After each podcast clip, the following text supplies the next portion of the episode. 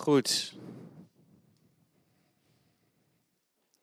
Ik uh, wilde graag even ehm, stilstaan bij een quote. En dan mag even de slide op. Uh, die begint met ik geloof.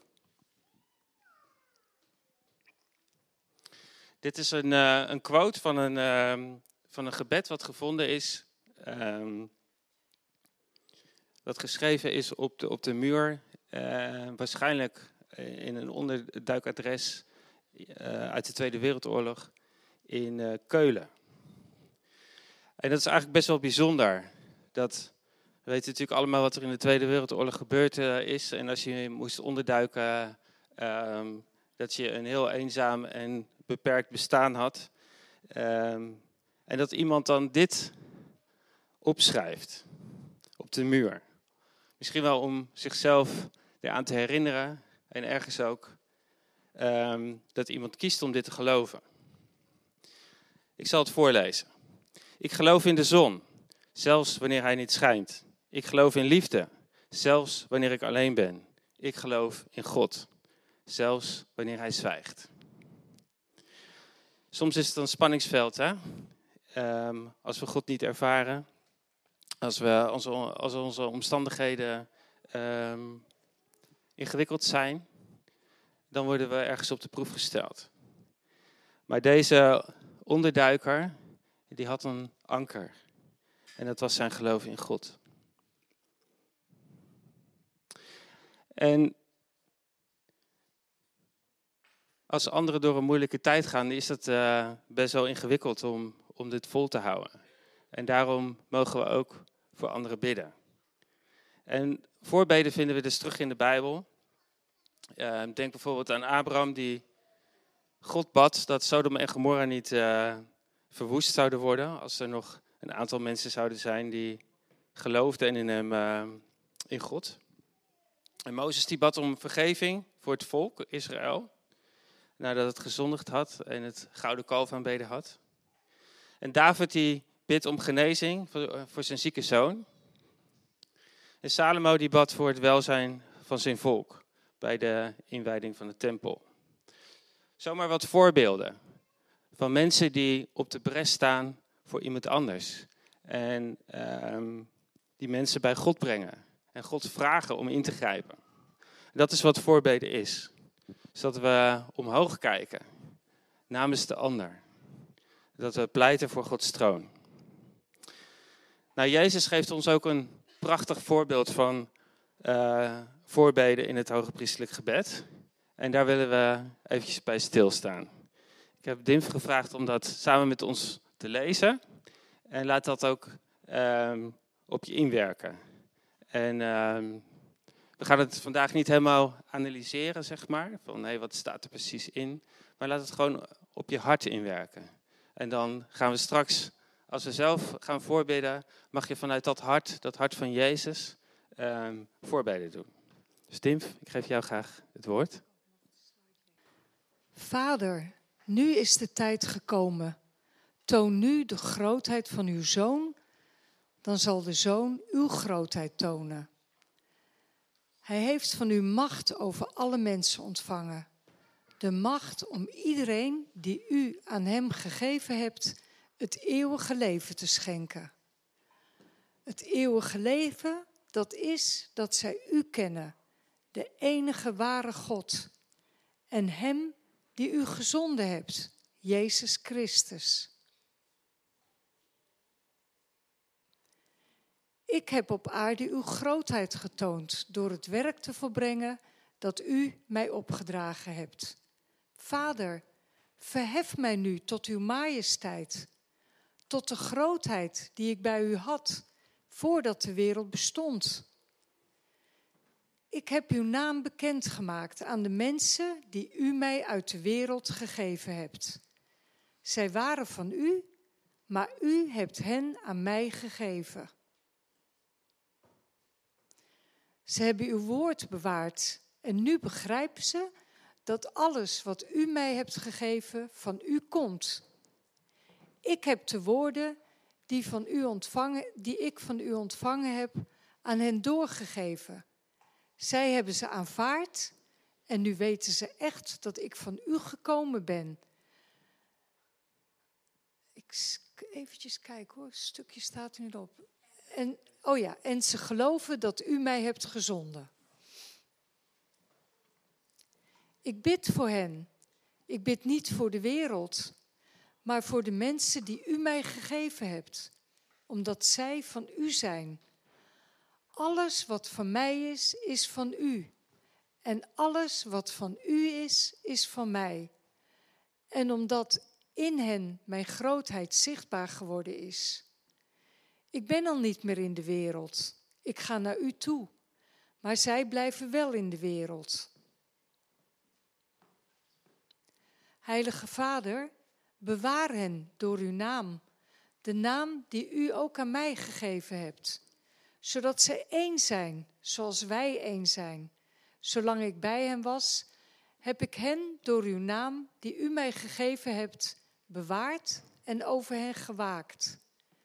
Geen van hen is verloren gegaan, behalve degene die al verloren was, omdat de schrift in vervulling moest gaan. Nu kom ik naar u toe en ik zeg dit terwijl ik nog in de wereld ben, opdat zij vervuld worden van mijn vreugde. Ik heb hun uw woord doorgegeven. De wereld haat hen, omdat ze niet bij de wereld willen horen, zoals ik ook niet bij de wereld hoor. Ik vraag niet of u hen uit de wereld weg wilt nemen, maar of u hen wilt beschermen tegen hem die het kwaad zelf is. Ze horen niet bij de wereld, zoals ik niet bij de wereld hoor. Heilig hen dan door de waarheid. Uw woord is de waarheid. Ik zend hen naar de wereld, zoals u mij naar de wereld hebt gezonden. Ik heb mij geheiligd omwille van hen. Zo zullen ze ook zij door de waarheid geheiligd zijn. Ik bid niet alleen voor hen, maar voor alle die door hun verkondiging in mij geloven. Laat hen allen één zijn, Vader, zoals u in mij bent en ik in u. Laat hen zo ook in ons zijn, opdat de wereld gelooft dat u mij hebt gezonden.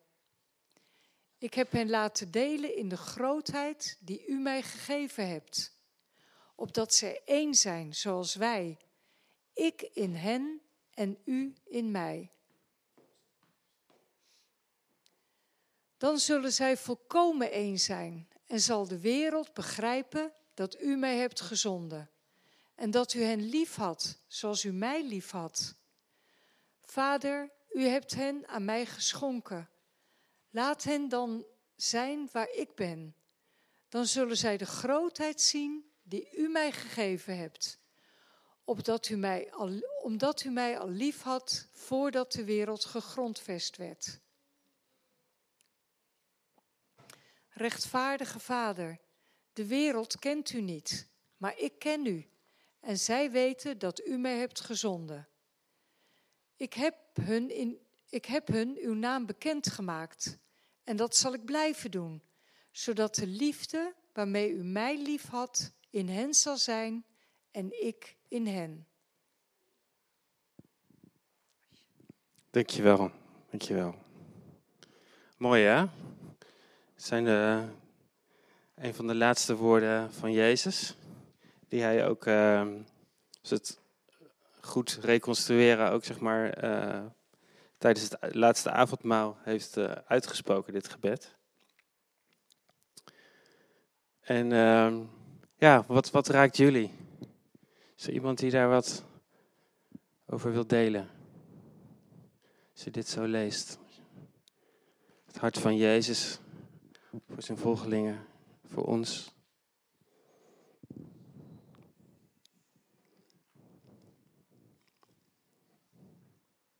Is er iemand die iets wil delen? Dimf? Het raakt mij altijd als, uh, als er gezegd wordt dat wij in, in de Vader zijn, in Jezus zijn en Hij in ons. En dan denk ik, ja, meer verbondenheid kan er eigenlijk niet zijn. Ja, mooi hè? Ja. Zijn er nog anderen die iets willen delen?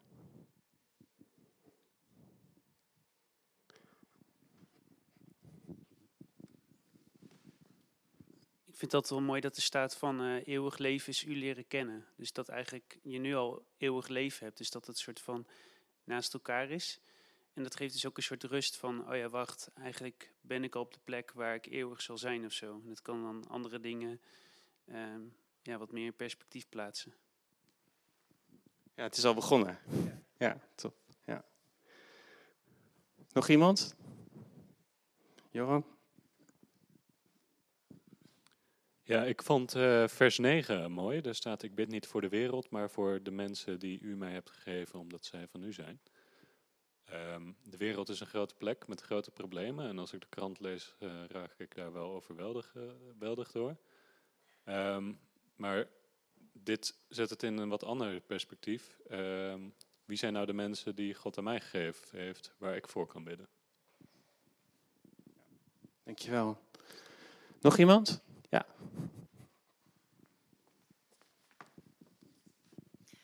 Um, ik word altijd geraakt door die eenheid. Uh, dat wij één zijn in, in God. En um, het raakt me ook in verband met het lied dat we eerder zongen van... Um, let the weak say I'm strong, let the poor say I'm rich. En um, ik dacht, goh, hoe doe je dat nou? Hè? Als je zwak bent, zeggen ik ben sterk. En voor mij zit de kern in het zinnetje daarna. Uh, because of what the Lord has done for us. En daar zit dat ons in. Dus ik denk, ja, dat heb ik zelf ook mogen ervaren. Als je zwak bent, heb, hebben we elkaar hard nodig om, dat te kunnen zeggen. Uh, dus, nou ja, en dat zit ook in die één. Ja, ja zeker. Dankjewel. Goed.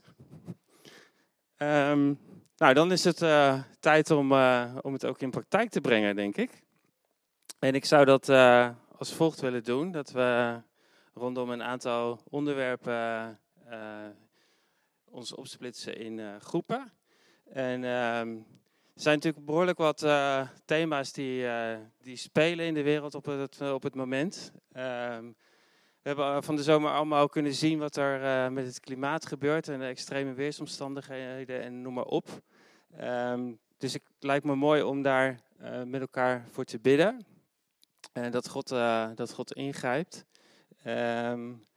dat we ook niet bang hoeven zijn. En tegelijkertijd is er echt wat aan de hand. Ik zou het ook mooi vinden als we bidden voor um, ja, mensen die we kennen, die Jezus nog niet uh, kennen.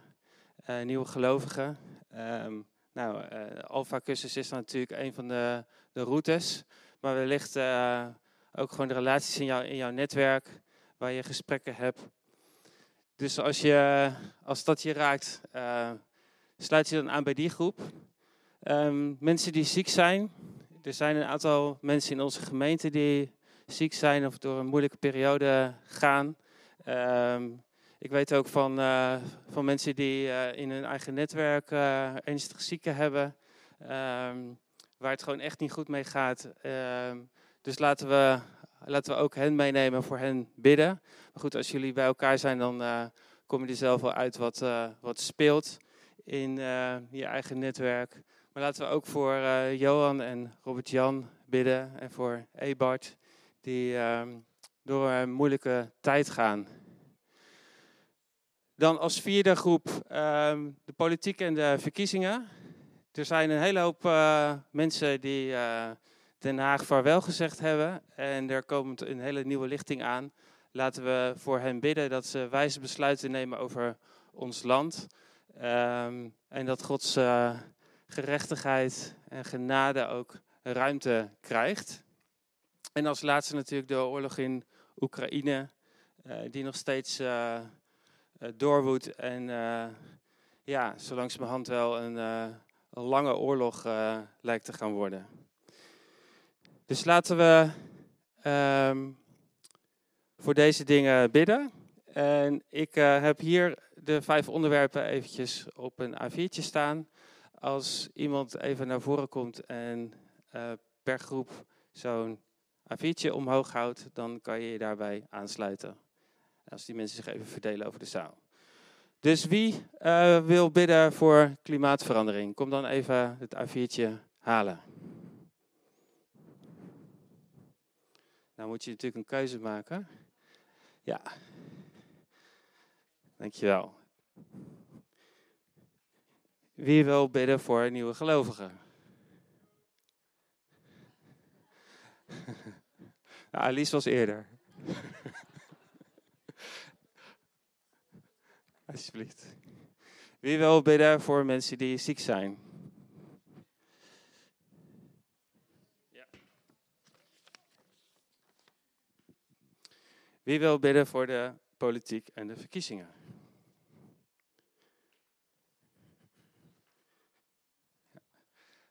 Alsjeblieft. En als laatste de oorlog in Oekraïne. Je hoeft dan niet voor de oorlog te bidden, hè, maar tegen de oorlog. Ja, hoe zeg je dat? Goed. Nou, als, als degene die een uh, A4'tje gehad hebben, als die zich een, beetje op afstand van elkaar verdelen over de zaal, dan kan de rest uh, naar hen toe komen. En als je het inderdaad even omhoog houdt, dan gaan we, dan gaan we bidden. Dus zoek elkaar op. En uh, maak er een mooie tijd van voorbeden van.